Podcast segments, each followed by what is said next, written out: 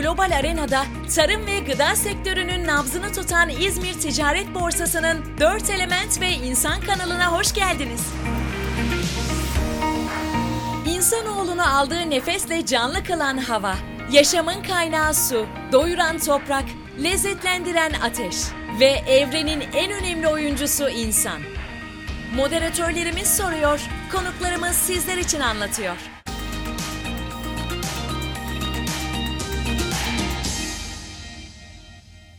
Merhabalar, ben İrfan Donat, Bloomberg HT Tarım Editörü. Bugün tarım teknolojileri ve dijital tarımı konuşacağız. Tarımın bugüne dair anekdotlar paylaşırken yarına ilişkinde planları, projeksiyonları ve öngörüleri paylaşacağız. Kamunun ve akademik dünyanın perspektifinden tarımdaki değişim ve dönüşüm senaryolarını ele alacağız. Kiminle konuşacağız bu konuları? Tarımsal Araştırmalar ve Politikalar Genel Müdürü Doktor Nevzat Birişik'le birlikte. Nevzat Bey hoş geldiniz yayınımıza. Teşekkür ederim, çok naziksiniz. Şimdi hem kamu hem de akademik dünya dedim çünkü siz iki tarafta da e, bulundunuz, bulunuyorsunuz. Dolayısıyla daha geniş bir pencereden bu konulara bakma şansınız var ve özel sektörde de yakın diyalog halinde, işbirliği halinde olduğunuzu biliyorum e, bu sektörün özelliği itibariyle. Şimdi isterseniz artık bu yılın konusu bütün sektör açısından önemli bir noktaya gelen COVID-19 salgınının e, tarım sektörüne biraz etkisini konuşalım. Daha doğrusu pek çok alanda COVID-19 salgınıyla birlikte bir değişim, bir dönüşüm yaşanıyor. E, bu süreçten tarım sektörü nasıl nasibini aldı ve alıyor? Buradan başlayalım istersen. E, COVID-19 pandemisi tüm dünyada üretim süreçleri üzerinde etkili olur. Elbette ki tarımda da olur. 2020 için örneğin e, tüketicilerin büyük bir kısmı acaba gıda arzında bir sıkıntı olur mu diye bekliyordu. Ama bu yönetildi. Tüm dünyada da yönetildi. E, insanlar ekmeye, biçmeye devam ettiler. Fakat ekip biçme esnasında kullandıkları girdilerin de bir ticareti var. Örneğin gübrelerin, ilaçların, makinaların vesaire. Bunların üretiminde ve arzında belirli bir daralma oldu. Bu da fiyatlara yansıdı. Dolayısıyla ilk yaşadığımız şey artan tarımsal üretim maliyetleriydi. Belki pandemi kırsalda çok şiddetli seyretseydi tarımsal iş gücünün tarımsal üretime dahil olmasında sıkıntı yaşayabilirdik. Ancak bu yönetildi, iyi bir şekilde yönetildi. Çiftçilerimizin arazisine erişmesine, çiftliğine erişmesine, bahçesine erişmesine sıkıntı olmadı. Böylelikle aşağı yukarı e, vejetasyon sezonunun sonuna doğru yaklaşıyoruz. Belki narenciye, elma ve benzeri ürünlerde rekolteyi daha iyi göreceğiz. Büyük ihtimalle 2020 yılında rekolteden dolayı bir sıkıntı yaşamayacağız. Ancak ilk dönemlerde artan bir gıda talebinden dolayı bazı ürünlerde eksiklik, sonra da üretimde maliyetlerden ve bazı girdilere erişimden kaynaklı sıkıntılar olacaktır. Bu orta vadede çiftçinin karlılığını düşürür. Çünkü çiftçi her türlü bedeli göze alarak tarımsal faaliyet yap, yaptı. Ancak bugün domateste, sütte ve benzeri ürünlerde yaşadığımız gibi arzu ettiği fiyatı bulamadı. Buna çiftçi nasıl bir refleks verecektir? Büyük ihtimalle 2021 yılında üretimden e, istek azalacaktır. Diğer sektörlerden kaynaklı kişilerin yani tüketicilerin gelir kaybından dolayı da piyasada bir daralma olma ihtimali var. Yani elbette ki temel gıda ürünlerinde bir daralma olmaz ama örneğin meyve sebzenin bazı türlerinde bir daralma olabilir. Dolayısıyla bence asıl sorunu biz 2021 yılında yaşayacağız. Zaten yılın başında yaptığımız bazı değerlendirmelerde de bunu paylaşmıştık. Bununla ilgili ne tür tedbirler alınabilir? Bizim ithal bağımlısı olduğumuz ve tedarikte sıkıntı yaşayabileceğimiz girdilerin bugünden hesabını yapmamız gerekiyor. Aşılar, örneğin tavukçuluk sektörü için damızlık yumurta, bazı gübre kalemleri gibi piyasanın daralmasını engellemek için de dar gelirli kesimin gıda tüketimini azaltıcı refleksler göstermemesi için özellikle asgari ücretin ayarlanması, işsizlik ödemelerinin devamı ve büyük bir e, işsizlik travmasının yaşanmasının engellenmesi gerekir. Dolayısıyla ben Covid bu yönüyle yönetildiğinde tarımda e, büyümenin e, pozitif etkileneceği kanaatindeyim. Çünkü herkes şunu fark etti. En neticede sağlıkla ilgili bazı kararlar aldığınızda insanlardaki hareketliliği azaltıyorsunuz. Ama bu beslenmeyi azaltmak anlamına gelmiyor. Hatta bazen arttırmak anlamına geliyor. E, ve e, bu stratejik önemi ortaya çıktığı için tüm ülkeler gıda arzını arttırma yönünde bir eğilimde bulunur. Yani bugün için sanırım bu değerlendirme kafi gibi. Aslında dediğiniz nokta çok önemli. E, tüketim alışkanlıklarını insanların değiştirdi bu salgın sürecinde ama negatif değil de pozitif anlamda etkilenen belki de ender sektörlerden biri tarım ve gıda sektörü. Dediğiniz gibi üretim durmadı, tüketim durmadı. Bir de teknoloji sektörü. İnsanlar artık e, daha teknolojiye yakın bir yaşam stiline doğru gitti şartlardan dolayı. Aslında şimdi soracağım soruya kısmen cevap verdiniz ama işin ben biraz teknoloji tarafını merak ediyorum. O da şu, yani pandemi sonrası tarıma dair yeni projeksiyon ve öngörüleri soracaktım. Dediğim gibi bir kısmına cevap verdiniz. Teknolojinin tarımdaki konumunda bir değişim, ağırlığının artma potansiyeli var mı? Onu da şundan dolayı soruyorum. Şimdi tüm dünyada bu yaşandı. Özellikle Avrupa tarafında işçi bulmakta sıkıntı çekildi. Hasat zamanında, ekim zamanında artık robotlar e, biraz e, uzak gelirken bize daha da yakınlaştı. Yani tarımda robot ya da teknolojinin kullanımının daha yoğun olacağı bir döneme doğru giriyoruz gibi geliyor. Bilmiyorum siz ne düşünüyorsunuz? Yani tespitleriniz doğru. Aslında bunu tarımdaki değişim dönüşümleri 5-10 yıl içerisinde görme imkanı yok. O yüzden daha geniş bir skalada bakarsak İrfan Bey, örneğin bundan 10 bin yıl önce insanlar doğada bulunanları topluyorlardı ya da avlıyorlardı. Buna uygun da bir yaşam tarzları vardı. Buradaki gıda bittiğinde bir başka yere göç ediyorlardı. Daha sonra insanlar e, yetiştirmeyi öğrendiler ve böylelikle yerleşerek büyük kentler ve büyük devletler oluşturdular. Fakat bir süre sonra yetiştirdiğinizi fazla, size fazla geldiğini fark edince bunun ticareti başladı. Dolayısıyla birinci tarım devrimi, ikinci tarım devrimi, üçüncü tarım devrimi dediğimiz şeyler bunlar. Dördüncü tarım devrimini yaşıyoruz aslında. Bunu bir öncekiyle kıyas edelim. Üçüncü tarım devriminde teknoloji yoğun bir iş kullandık. Yani atın sürdüğü ve insan eliyle ekim yaptığınız bir iş değil de traktörün sürdüğü ve makinenin ekip biçtiği bir iş yapıyorduk. Ama burada hala karar verme merci insan yani ne zaman sürüleceğini, ne kadar sürüleceğini, ne ekileceğini ve ne kadar ekileceğini insan belirliyordu. Makina komut alan ya da insanın emirlerini yerine getiren bir parçaydı. Şimdi günümüze gelelim. Tarım yapmak için biz normal koşullarda üç kaynak var deriz. Doğal kaynaklar yani toprak, su, e, biyolojik çeşitlilik. İkincisi sermaye. Bir miktar paranızın olması lazım. Çünkü ekim yaptığınızda aynı gün para kazanmıyorsunuz. Dolayısıyla bir paraya ihtiyacınız var, finans kaynağına ihtiyacınız var. Üçüncüsü de bir insan, beşeri sermaye. Ne ektiğini bilen, nereye satacağını bilen, kim için ürettiğini bilen. Bugün dördüncü bir şeyden bahsedebiliriz. Teknolojiye ihtiyaç var. Fakat bu teknoloji devriminin yani biyolojik üretim süreçlerine bilgiyi işleyen ve bunu makineye ya da karar verme bu big data veya artificial intelligence yapay zeka ile müdahale eden bir unsurun varlığını burada nereye yerleştireceğiz? Şimdi şöyle düşünelim. Modern teknoloji bize şunu söylüyor. Şu anda oturduğumuz odanın ısındığını ve soğutma sisteminin kendiliğinden devreye girdiğini. Veya bir yangın çıktığını içerideki dumanı ölçerek itfaiye hortumlarının otomatik olarak devreye girdiğini. Burada insandan bahsetmiyoruz. Bir veri akışından ve bu veriyi okuyarak karar veren bir başka mekanizmadan kastediyoruz. İşte tarımda dijital dönüşüm ya da tarım 4.0 derken tarımsal üretim süreçlerinde karar vericinin kim olacağını ve hassas bilginin nasıl işleneceğini konuşuyoruz. Bu çok başında olduğumuz bir süreç e, kapalı alanlarda yani endüstriyel üretimlerde bunu tasarlamanız, bunun algoritmalarını yazmanız ve uygulamalarını planlayıp icra etmeniz mümkün. Şöyle düşünelim, bir hastane yönetiyoruz.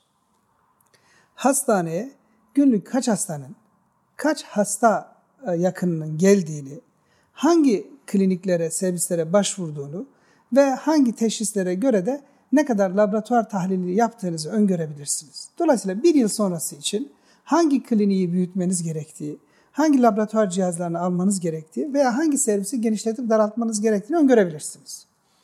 Bunu büyük ölçüde de o kapalı mekanda planlayabilirsiniz. Ama konu tarım olunca halen riskin üçte birinin doğal olduğunu, küresel ısınmanın etkisi ya da iklim değişikliğinin etkisiyle de yağışı, donu, doluyu vesaireyi tahmin edemeyeceğinizi, Üstelik ürettikten sonra da tüm dünyadaki serbest piyasa ekonomisinin entegrasyonundan dolayı fiyatları ve mal hareketliliğini öngöremeyeceğinizi düşünmeniz gerekiyor. Sıklıkla insanlar şunu söylüyor. Ya aslında tarımda her şey planlanabilir. Neden devlet organları bunu yapmıyor? Yani filanca kişiye sen patates üret 10 ton, öbürüne de sen mısır üret 20 ton diyelim. Ancak gıda fiyatları küresel piyasanın etkisiyle oluşuyor. Burada patates yüksekse bir başka yerde ucuzdur ve buradan satış ihtimali doğar. Ancak bütün bunlar bize şunu gösteriyor. Önümüzdeki 100 yılda büyük ihtimalle biz karar alma mekanizmalarına önce yardımcı olan, sonra da bu karar alma mekanizmalarını belki de bir miktar elinde bulunduran sistemlerden bahsedeceğiz. Yani şöyle düşünelim. Bir seramız var ve biz o serada biber üretiyoruz. Fakat 4-5 yıllık veriler sonucunda, hastalık verileri, fiyat verileri sonucunda seranızdaki sensör size şunu söyleyebilir. Bu serada artık biber üretme. Bu serada patlıcan üret. Çünkü bu hastalıklarla biber üretmeniz çok maliyetli ve piyasa fiyatlarını da düşündüğümüzde sizin patlıcan üretmeniz gerekiyor. Hatta şu çeşidi üret. Ya da daha öncesine gidelim. Biberde şu anda çiftçimiz diyor ki bugün fiyatlar uygun, bugün topluyor ya da biber zaten büyümüştür, toplaması gerekir. Toplamaya karar veriyor. Veya kendisi içeriye giriyor, bitkilerin susadığını veya hastalandığını düşünerek bazı uygulamalar yapıyor. Beklentimiz şu. İçerideki bu iklim ve hastalık verilerini okuyan bir e, sensörler bütünü olsa ve çiftçiye şunu dese, bugün değil yarın ilaçlama yap. Ya da şu ilaçları ver. Bunlar teorik olarak mümkün gibi görünmekle birlikte tarım gibi son derece kompleks ve doğal risklere açık bir alanda bence biz uygulamanın çok daha başındayız. Şöyle söyleyeyim, aslında belki de sonuç cümlem olabilir. Teknoloji kısmında iyiyiz de biyolojik verileri ona transfer etmek ve biyolojik alanı onunla yönetmek için erken dönem. Yoksa fizik, elektrik, elektronik alanda elde edilmiş gelişmeler oldukça ileri. Ancak bizim bitkiler dünyasına, mikroorganizmalar dünyasına, böceklerin dünyasına dair hala öğrenmemiz gereken çok şey var. Onlar olmadan bilişim e, tek başına yeterli değil. Ama her halükarda yeni bir çağın başındayız. Tarımı teknolojiyle birleştiren biyolojik tarım ya da biyoteknolojik tarım dediğimiz bir evredeyiz. Riskleriyle beraber onu da belki başka bir zaman konuşuruz. Demek ki yani gerçekten hep söylüyoruz burada artık e, tarım için özellikle multidisipliner bir yaklaşıma ihtiyaç var. Çok boyutlu bir konu. E, dallanıyor, budaklanıyor. Detaylara girdiğimiz zaman onları entegre edebildiğimiz zaman aslında önümüzde de çok güzel bir yol haritası var. Gidecek çok yol var. Şimdi buradan şuna bağlamak istiyorum ben. Bugünün şartlarında insanlar arasında network, işbirliği çok kıymetli hale geldi. Sektörel sosyal ilişkiler özellikle artık iş dünyası açısından olmazsa olmaz. Ee, kurumlar arası network'ün de artık önemi artmaya başladı. Yani know-how paylaşımı, e, dijital işbirliği, burada işte işin bir tarafı kamu, bir tarafı üniversite, özel sektör. E, şimdi baktığımız zaman e, ticaret borsaları mesela en basitinden İzmir Ticaret Borsası bu konuya girmeye çalışıyor. İşte e, hem Tarım 4.0 hem de e, tarım girişimciliği ekosistemi.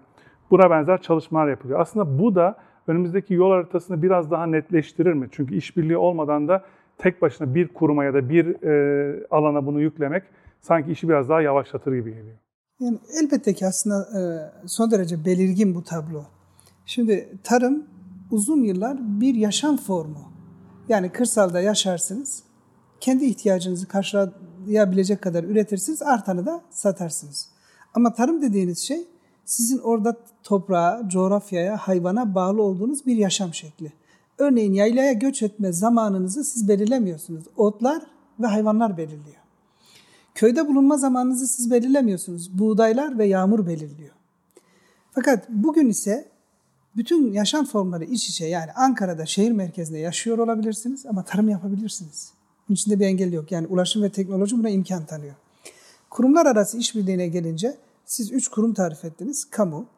Kamu her halükarda makro planlayıcı, denetleyici ve düzenleyici olarak var olacaktır. Çünkü burada ekonomik ve sosyal bir alan var. Devlet organı bunu düzenler. Kimsenin birbirinin hakkına tecavüz etmemesi için var olmak zorundadır. Ee, üniversiteler Akademi dünyası her halükarda bu onlar için hem bir merak alanı, hem bir çalışma alanı, hem de geleceklerini planlayadıkları bir alan. Burada sadece ziraat fakülteleri, veteriner fakülteleri diye düşünmemek lazım. İktisadi idari bilimler, diğer teknoloji çalışan herkes bu ekosistemin parçasıdır. Özel sektör konusu Türkiye'de genelde bir özel sektör konuşurken tarıma arge e, girdi tedarik edenleri konuşuyoruz. Yani gübreciler, tohumcular, sulamacılar. Ama aslında burada asıl taraf çiftçi. Bunlar çok iyi örgütlü olamadıkları için çok çok örgütleri var ama parçalılar. Dolayısıyla aslında muhatap özel sektör bir de üretici ayağı olması lazım. Yani üreticinin de bize net taleplerini somut bir şekilde getirebilmesi lazım. Türkiye Ziraat Odaları Birliği örneğin en üst örgütleri. Tarım Kredi Kooperatifi, e, Banko Birlik gibi büyük yapılanmalar var. Ama halen biz çiftçinin sesini duymakta zorlanıyoruz.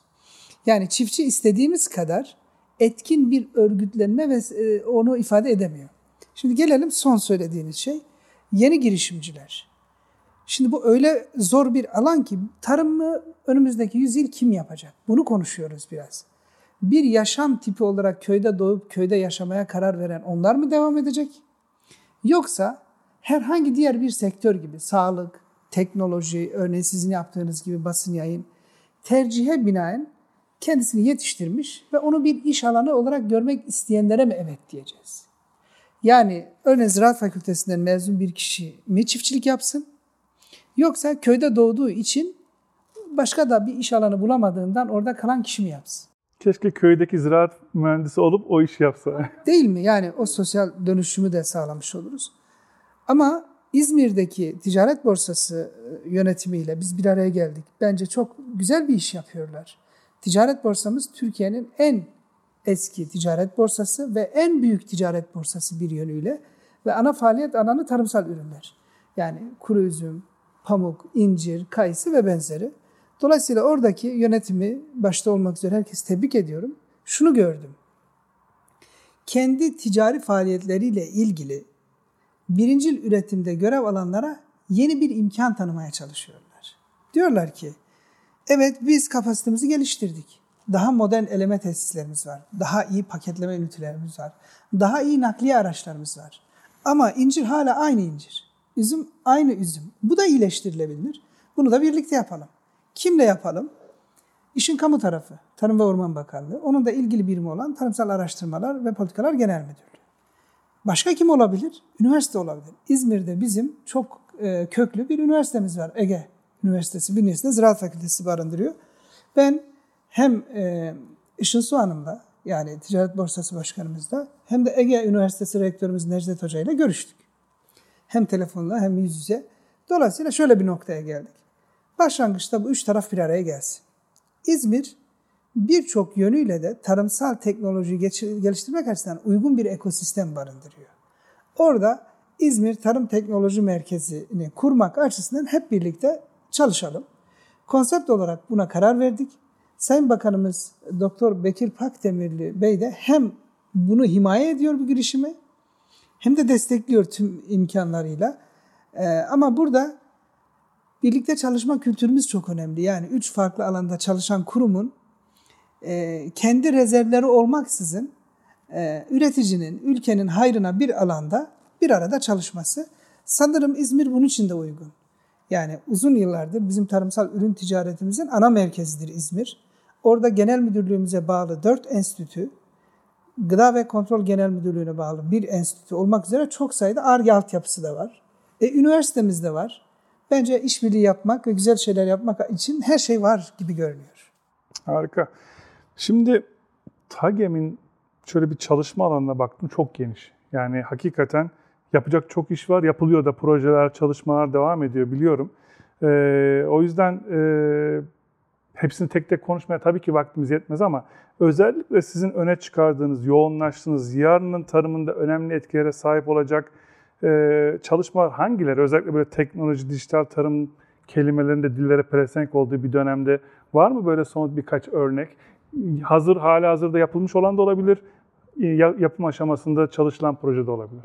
Şimdi başladığımız konular var. TAGEM'in klasik çalışma alanı, klasik çalışma alanı bitkisel ürünlerin ıslahı korunması, geliştirilmesi, hayvansal ürünlerin ıslahı korunması, geliştirilmesi ve bunların tarımsal ekosistem içerisinde sorun çözücü şekilde öne çıkarılmasıdır. Aslında bu bu şekilde özetle ifade edilebilir.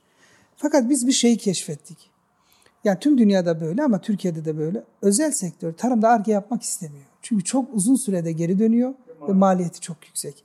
Yani siz küçük bir teknokentte bir ofiste bir, bir, bir program yazarak arge yapabilirsiniz ya da bir sanayi ürünü üretebilirsiniz ama bir buğday denemek için 200 dönüm araziye ihtiyacınız var ve belki 40-50 tane çalışana. Ve 7-8 yıl mı ne kadar bir ıslah çalışması Aşağı yukarı değil mi? Bu kadar tek yıllık bitkilerde 8-10 yıl kadar sürüyor. Mesela meyve olsa bu 20-25 yıl. Dolayısıyla kimsenin bunu bekleyecek bir finansmanı yok. Biz özel sektörle ve üniversitelerle birlikte arge yapmamız gerektiğini düşünüyoruz. Yani üniversite temel argesini yapsın, biz uygulamaya transferini, inovasyon kısmını da özel sektörle yapalım. Yani temel bir bilgi elde edelim, bunun tarımdaki uygulamasını görelim, bunun bir ürüne teknolojiye dönüşümünü de özel sektörle beraber yapalım. Gelelim bilişim teknolojileriyle ilgili kısmı. Bizim şu anda bu konudaki ana dosyamızın ismi tarımda alternatif enerji kullanımı ve mekanize, yenilikçi mekanizasyon. Dolayısıyla biz teknoloji derken aslında tarımda mekanizasyona yedirilmiş teknolojiyi kastediyoruz. Yani çapa yapan bir çapa makinamız var. Bu hangi otu keseceğini, hangisini pas geçeceğini görsün. Örneğin ilaçlama yapan makinamız var. Bu da bir yerde ağaç varken ilaçlasın, yokken havaya boşa ilaç atmasın. Örneğin tohumlama yap yapan e, mibzerlerimiz var. Bunlar hangi tohumu hangi derinliğe bırakacağını ve kaç adet bırakacağını öğrensin. Dolayısıyla ana dosyamız alternatif enerji kullanımı ve yenilikli, yenilikçi mekanizasyon. Bu anlamda da şu anda 3 enstitümüze görev vermiş durumdayız.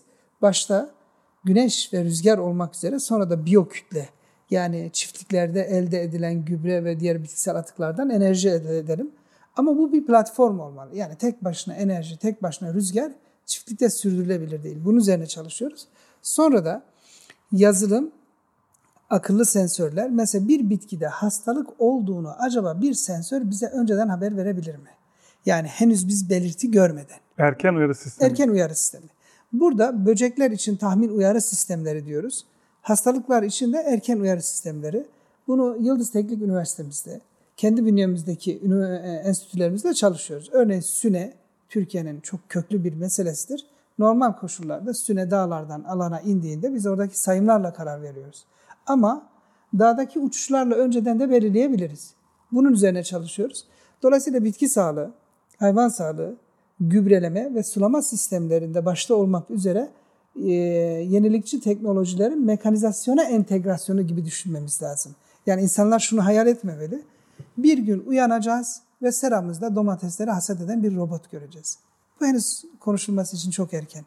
Ama şunu görebiliriz. Bir gün uyanacağız ve seramızdaki bir yazılımdan bugün şu kadar su ve bu kadar gübre verilmesi gerektiğini eğer bugün ilaçlanmasa da yarın şu hastalık olacağını söyleyen bir sistem olabilir.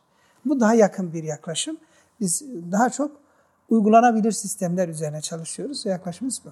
Aslında bu dediğiniz de bugün belki Türkiye'de yoğunlukla olarak konuştuğumuz ama dünyanın farklı bölgelerinde de benzer sorunlar var. Tarım sektörü açısından finansal okuryazarlığı da geliştirecek gibi geliyor. Çünkü veri bazında ölçüp biçmek, cepten çıkan cebe gireni hesaplamak açısından girdi maliyetlerinden biraz önce bahsettiğiniz hakikaten yüksek. Ama dediğiniz teknolojiyle birlikte hem o e, girdilerin minimum kullanımı ve maksimum verim sağlayacak şekilde kullanımı hem de ölçümlenebilmesi aslında çiftçinin de üreticinin de önümüzdeki dönemde önünü daha net görebilmesi açısından bir enstrüman niteliğinde gibi geliyor bana. Haklısınız bence çok da güzel olacak. Yani düşünelim ki e, yaklaşık 100 baş hayvanı olan bir işletme süt üretiyor. Ve bir karar alma aşamasında acaba sütçülüğü bırakıp et mi üretsem? Veya bu hayvan ırkımı değiştirsem mi? Yani Holstein yerine Simmental'e geçsem mi? Kabul edelim ki bu aslında 3-4 yıllık verilerin çok ciddi matematiksel okunması ve iktisadi bir perspektifle belki iktisatçı gözüyle okunmasını gerektirir. Kolay bir iş olmasa gerek. Ama bunu bir çiftlik muhasebe veri sistemi üzerinde bir program sizi yönlendirebilir. Yani şunu söyleyebilir. Sizin giderlerinizi düşündüğümde yıl içinde aslında 50 baş süte devam etmeniz lazım. Yani çiftliğin yarısı süt işine devam etmeli. Geri kalan yarısı ise önümüzdeki 6 ay ya da 12 aylık dilimde etçiliğe geçmeli. Bu karar destek sistemi anlamında geliyor.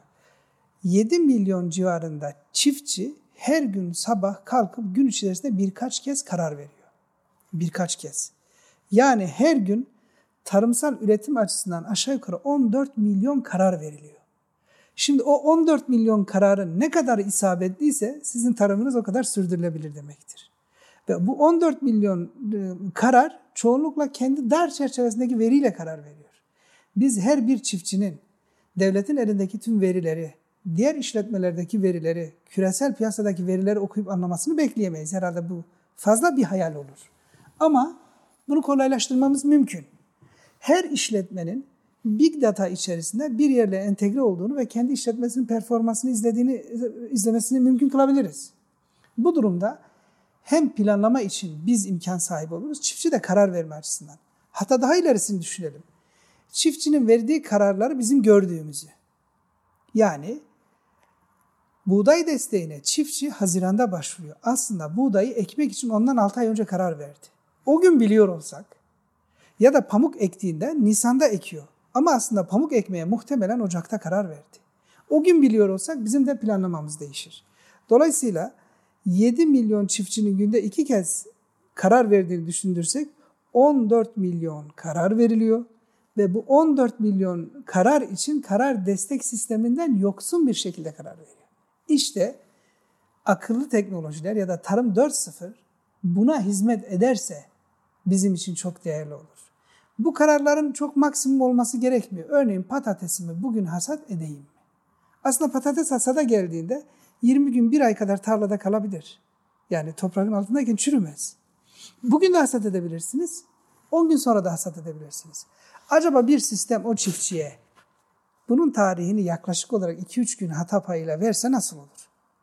Bence o zaman işler değişebilir. Dolayısıyla ben bu konuda alanın çok geniş olduğunu ama hayal gücümüzü sınırlay sınırlamaksızın yapabileceklerimiz ölçüsünde cesur davranmamız gerektiği kanaatindeyim. Bu dediğinizden yola çıkarak aslında bu sistemi kurduğumuzda ve doğru şekilde işlettiğimizde, yönettiğimizde bugün Türkiye'de de konuşulan ama dediğim gibi yine dünyada da önemli sorunlardan biri olarak karşımıza çıkan kırsaldaki nüfusun, özellikle üretici tarafındaki nüfusun yaşlanması. Yani yaş ortalaması Türkiye'de yanlış hatırlamıyorsam 55-57 konuşuluyor. Ee, bir taraftan e, yeni nesil bu işi yapacak mı kırsalda onu konuşuyoruz. Bir taraftan yeni nesli nasıl cezbederiz, nasıl çekeriz bu tarafayı konuşuyoruz. Dediğinizden yola çıkarak belki teknoloji burada ikna edici bir rol üstlenebilir mi? E, mümkün gibi görünüyor. Ve yaş aşağı çekmek açısından. Evet. Şimdi gençler bu alanı iki nedenden dolayı aslında cazip bulmuyor. Birincisi sosyal cazibesi düşük. Yani tarım faaliyeti yapmak ve kırsalda yaşamak hala kentleşmeye çalışan bir sosyal popülasyona sahip ülkeler için cazip değil. İkincisi ekonomik olarak cazip. Yani çiftçi evet kazanıyor ama e, Türkiye'de kişi başına ortalama gelin üçte biri kadar kazanıyor. Şimdi gençleri buna nasıl ikna edeceğiz? Dolayısıyla burada iyileştirilmesi gereken iki alan var. Kırsalda refah seviyesini yükseltmek ve tarımda işletme başına olan geliri yükseltmek. Şimdi mevcut tarımdaki nüfus buna alıştırılabilir mi? Aslında Türk toplumu teknolojiye çok yatkın. Yani e, kırsalda da akıllı te- cep telefonu kullanan, mesela İzmir Ticaret Borsamızın yaptığı bir çalışma vardı. Tarım 4.0 kapsamında. Acaba Ege bölgesinde dijital imkanlardan çiftçi ne kadar yararlanıyor? Yani çıkan rakamlar %40 civarındaydı yanılmıyorsam. Kötü bir rakam değil aslında. İyileştirilebilir. Ama ben burada hala hazırda ailesi yani hedef kitle olarak ailesi tarım yapan, kendisi de eğitimden istifade eden yani eğitim sürecinde bulunan kitleyi tespit etmemiz, onlara tarımda teknoloji kullanımının gelir arttırıcı ve refah arttırıcı olduğunu anlatmamız gerekiyor. Eğer bu ikisini sağlayabilirsek o zaman o gençlerin başka bir, bir iş arayışına girmesine ihtiyaç kalmaz ve biz gençlerimizi tarımda tutabiliriz diye düşünüyorum.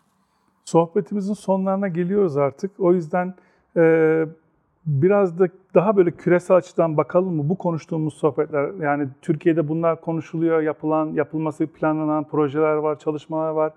E, farklı ülkelerde de buna benzer projeler mutlaka yürütülüyordur. Alınacak dersler vardır. Hiçbir zaman hani kopyala yapıştıra gerek yok tabii ki. Her ülkenin kendi dinamiği farklı, kültürü farklı, sosyoekonomik yapısı farklı. Hani oradan dikkatinizi çeken, paylaşmak istediğiniz anekdotlar var mı? Ya da son olarak yine dediğim gibi eklemek istediğiniz noktalar var mı? Yani sanırım son çeyrek yüzyılda tarım konusunda başarılı ya da en başarılı ülke Brezilya kabul ediliyor. Brezilya hem ölçek büyük hem de teknoloji tarıma transferde hızlı davrandı. Burada bir ekosistem var. Ee, araştırma enstitüleri var devletin, aynen bizim TAGEM gibi. Ve bu enstitüler üreticiyle ve işletmelerle iç içe çalışıyor. Dolayısıyla hangi teknolojinin kendisine uygun olduğu zaten devletin bu araştırma kurumları üzerinden tespit ediliyor. Daha sonra da yerel imkanlarla yaygınlaştırılıyor. Artık şu gerçeği görmemiz lazım. Türkiye'de Ankara'dan üretilen tarımla ilgili için söylüyorum. Çözümler her metrekareye eşit çözüm üretmiyor. İzmir için ürettiğimiz bir çözüm Samsun'da sorun sebebi olabiliyor. Artık terzi usulü gerekiyor değil mi? Aynen hat kütür dedikleri yani kişiye uygun dikim. Dolayısıyla soruna ve lokasyona uygun çözüm. Bu sebeple Tarımsal Araştırmalar Genel Müdürlüğü'nün 35 vilayette 55 enstitüsü var. Bence biz enstitüler üzerinden giderek o bölgedeki çiftçilerimiz veya tarımın diğer paydaşları da buna belediyeler, valilikler, işte ticaret borsaları, ziraat odaları dahil o enstitüler üzerinden orada çözüm üretmeli. İzmir'de ürettiğimiz bir çözüm Tokat'ta hiçbir şekilde sonuç vermeyebilir. Yerel olarak makul bir çözüm üretmeli ve bunu da taraflarla üretmeliyiz. Bu sebeple bizim 2018'den beri araştırma enstitülerinde özel sektör ARGE ofisleri açmıştık. Bu birer oda. TAGEM'deki tüm insan kaynağını, arazi altyapısını, yürüyen projeleri, biten projelerin çıktılarını orada TAGEM Network üzerinden paylaşmayı düşünüyoruz. Bunu paylaşırsak ve kişiler de orada erişirse o zaman çözüm üretmek için veri de var demektir. Ben sizin vesilenizde bunu bir kez daha paylaşmak istiyorum. Bu enstitüler bu ülkenindir, bu milletindir ve tarıma hizmet etmek için vardır. Dolayısıyla tarımın herhangi bir mensubu, bu sektörde herhangi bir şekilde görev alan birisi ki siz de şu anda habercilik yaparak bu sektörün içinde birisiniz. Gittiğinizde bu enstitüleri ziyaret edin. Hatta sorun benim ofisim nerede? Gidin ofisi kullanın. Yani diyelim ki siz yolunuz düştü Eskişehir'e. Oturup çekim yapacak bir yeriniz yok. Gidip o ofisten istifade edebilmelisiniz. Bunlar onun için var. Eğer böyle olursa o zaman biz sorunlarımıza gerçekçi çözümler bulabiliriz diye düşünüyorum. Harika. Bugünkü sohbetimizde tarımın hem bugününü hem de bugünden yola çıkarak geleceğini konuşmaya çalıştık. Teknoloji ve tarım 4.0 ağırlıklı olarak da, olarak konuğumuz Tarımsal Araştırmalar ve Politikalar Genel Müdürü Doktor Nevzat Birişikti. Çok teşekkür ediyorum paylaştığınız bilgilerden dolayı. Ben çok teşekkür ediyorum nezaketinizden ve emeklerinizden dolayı. Sağ olun.